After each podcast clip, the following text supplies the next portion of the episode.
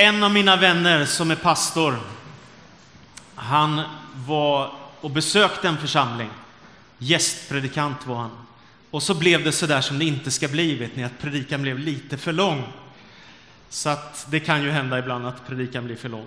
Och så i alla fall efteråt så kom det en äldre man i församlingen. Och så sa han så här till min kollega som bor någon annanstans här i Sverige. Jag ska lära dig hemligheten till att hålla en bra predikan. Jaha, sa min kära vän. Vad är det då? Berätta för mig. Jo, man måste ha en god inledning. En riktigt bra inledning ska man ha. Jaha, sa han. Ja, det, det håller jag med om. Och sen ska man ha en fantastisk avslutning. Ja, ja, ja, men det låter bra det. Och sen så ska jag lära en sak och det är att de två sakerna ska komma så nära varandra som möjligt.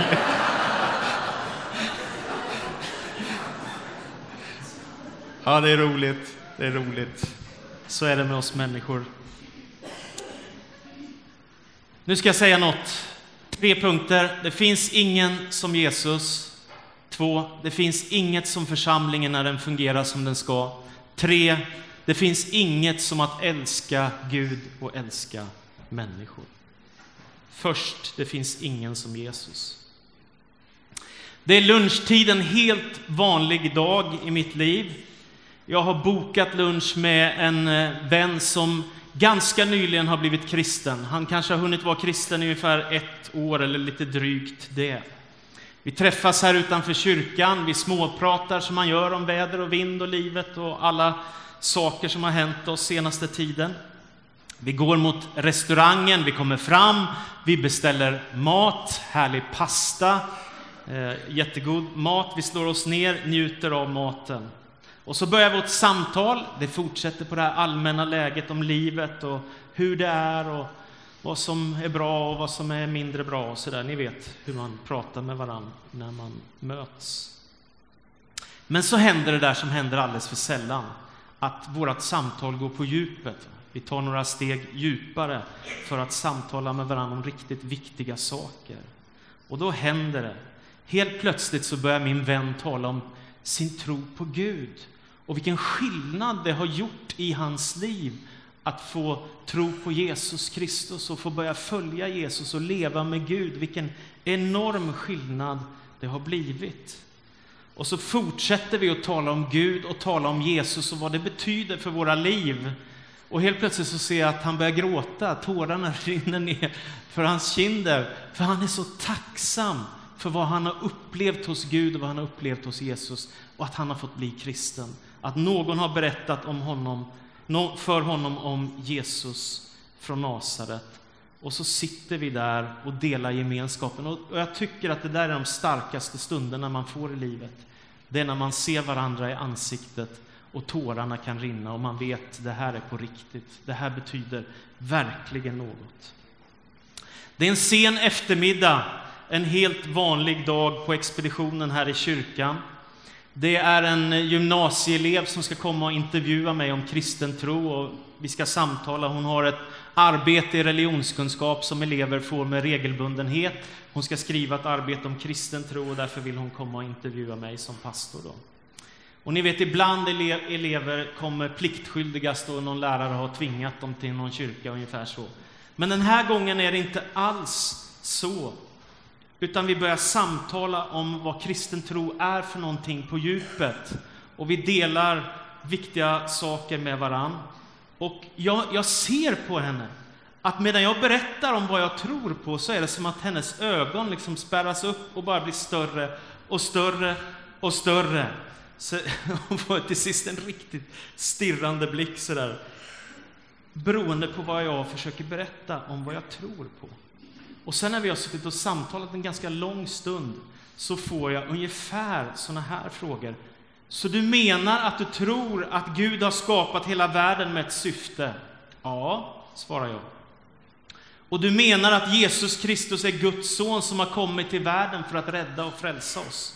Ja, svarar jag. Och du tror att Jesus Kristus dog för hela mänsklighetens synd och uppstod på tredje dagen och besegrade dödens makt?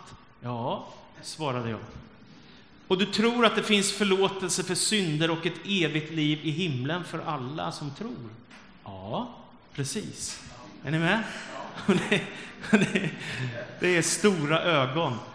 Och så tänker jag att det är märkligt att det ska vara så svårt att förstå vad kristen tro i grund och botten handlar om och ta in det i sitt hjärta.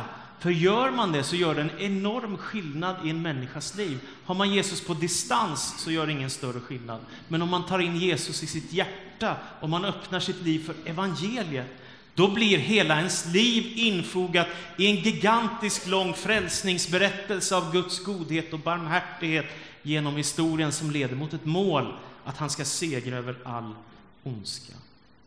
Detta är min tro, att det finns ingen som Jesus. I världshistoriens centrum står Jesus från Nasaret. Vi räknar vår tideräkning ifrån hans födelse.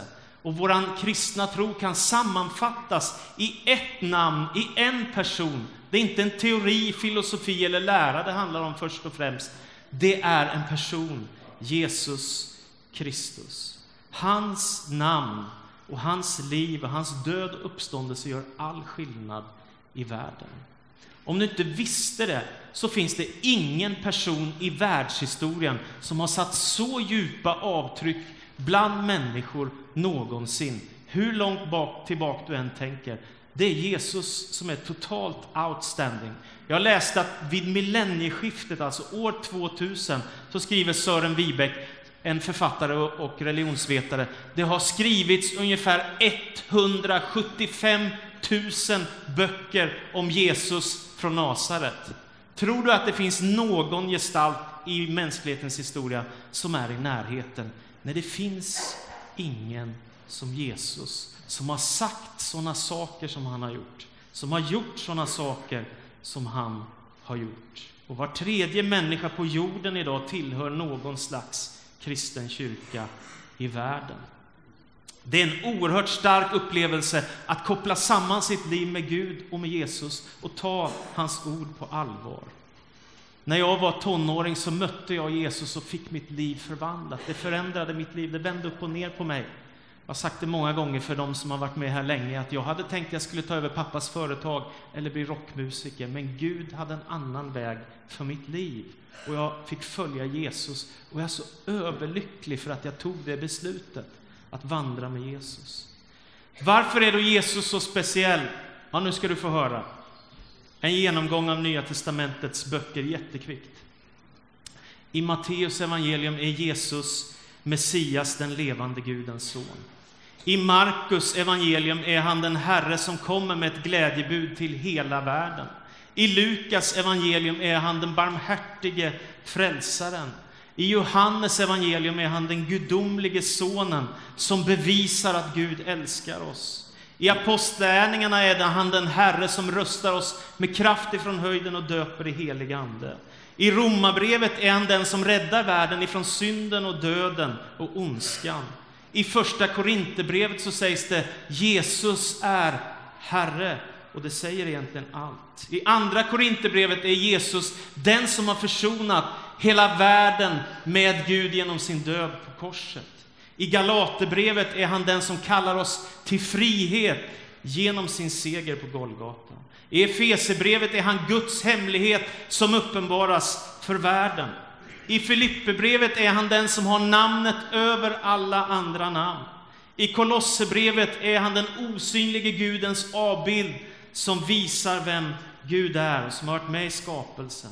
I första Thessalonikerbreven är han den Herre som en dag kommer tillbaka ifrån himlen för att frälsa sitt folk. I andra Thessalonikerbrevet är han den som helt ska besegra ondskan och göra slut på det onda. I första Timoteusbrevet är han den som ger oss hopp och frälsning. I andra eh, Timoteusbrevet är han den som ska döma och frälsa hela mänskligheten. I Titusbrevet är han den som skänker oss evigt liv. I Filemons brev är han den nådige och barmhärtige. I Hebreerbrevet är han utstrålningen av Guds härlighet, den enastående. I Jakobsbrevet är han den uppståndne, förhärligade Kristus som sitter på tronen. I första Petrusbrevet är han den som föder oss på nytt till ett levande hopp. I andra Petrusbrevet är han den som ger oss del av frälsningens gudomlighet. I första Johannesbrevet är han den som förlåter människorna deras synder. I andra Johannesbrevet är han den som ger mänskligheten frid. I tredje Johannesbrevet är han namnet som ger kraft till människor. I Judasbrevet är han den som älskar oss och bevarar oss. Och i Uppenbarelseboken, som är crescendot av Nya Testamentet, så är han konungarnas konung och herrarnas herre. Det finns ingen som Jesus, om man tar till sig detta budskap och lever det i vardagen. Det är väl inte så konstigt att 2,4 miljarder människor tillhör någon slags kyrka i världen. Det finns ingen som Jesus. Nummer två. Det finns inget som församlingen när den fungerar som den ska. Den kristna kyrkan har fått gigantiskt uppdrag att återspegla Jesus i världen, att fortsätta göra det som Jesus gjorde. Och vi vet ju att han gick runt och gjorde gott och botade människor och hjälpte människor. Det finns inget som församlingen när den fungerar som den ska. Igår så tittade jag på SVT Play och jag blev så fruktansvärt glad för det var min pastorskollega från Jönköping, Bo-Göran Läckström, som har varit pastor här tidigare, som ringde mig och sa nu kan du kolla på en missionsresa som vi gör från Pingstkyrkan i Jönköping. Vad roligt, för jag visste att det skulle komma. Det ligger på korrespondenterna på SVT Play. Det kommer på tisdag kväll också på SVT. Och då följer de med, korrespondenterna följer med Pingstförsamlingen i Jönköping med deras missionsansvariga, Bengt Klingberg i spetsen, en av mina goda vänner. Och så reser man till Sydsudan, dit ingen annan reser. Inte ens FN eller någon annan organisation. Varför? För att vägarna är för dåliga, för att det regnar för mycket, för att det är alldeles för lerigt och besvärligt att ta sig fram. Det finns ingen som tar sig fram till människor som svälter i de här byarna, utom pingstförsamlingen i Jönköping som skickar människor som åker med sina bilar, tar sig fram genom lervatten, får punktering, byter däck, startar om, kör vidare och tar med sig mat och tar med sig resurser som behövs. Och vet ni vad de gör just nu? Precis just nu bygger de 100 kilometer väg för att rädda livet på människor som svälter. Det är väl fantastiskt? När inte FN gör det, så gör kyrkan det. Det är jag så stolt över. Det är så bra. Jag är också så stolt över vår församling att när vi märkte att det började komma så oerhört mycket flyktingar, då blev vi en jätteviktig församling. Jag kommer aldrig att glömma när vi april 2016 reste ner till Grekland där vi har en vänförsamling.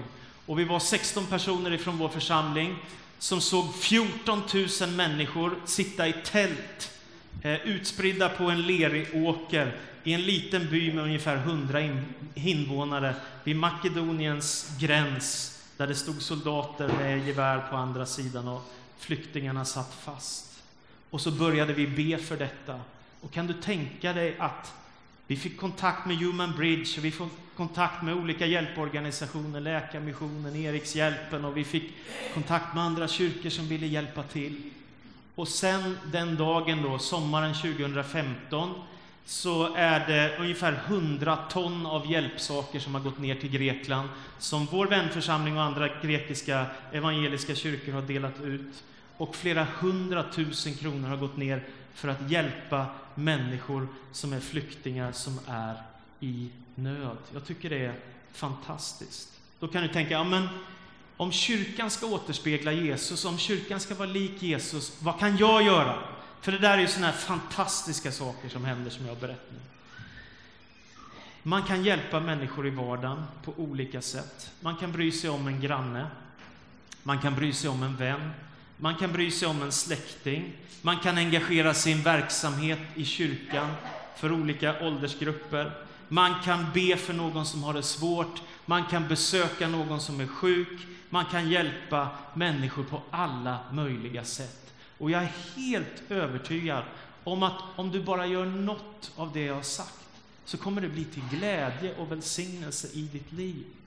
Därför att ingen av oss är till sist nöjd med Ja, jag renoverade mitt hus tre gånger. Eller jag hade den mest glänsande bilen av alla i Karlstad. Det är inte det till sist som blir viktigast.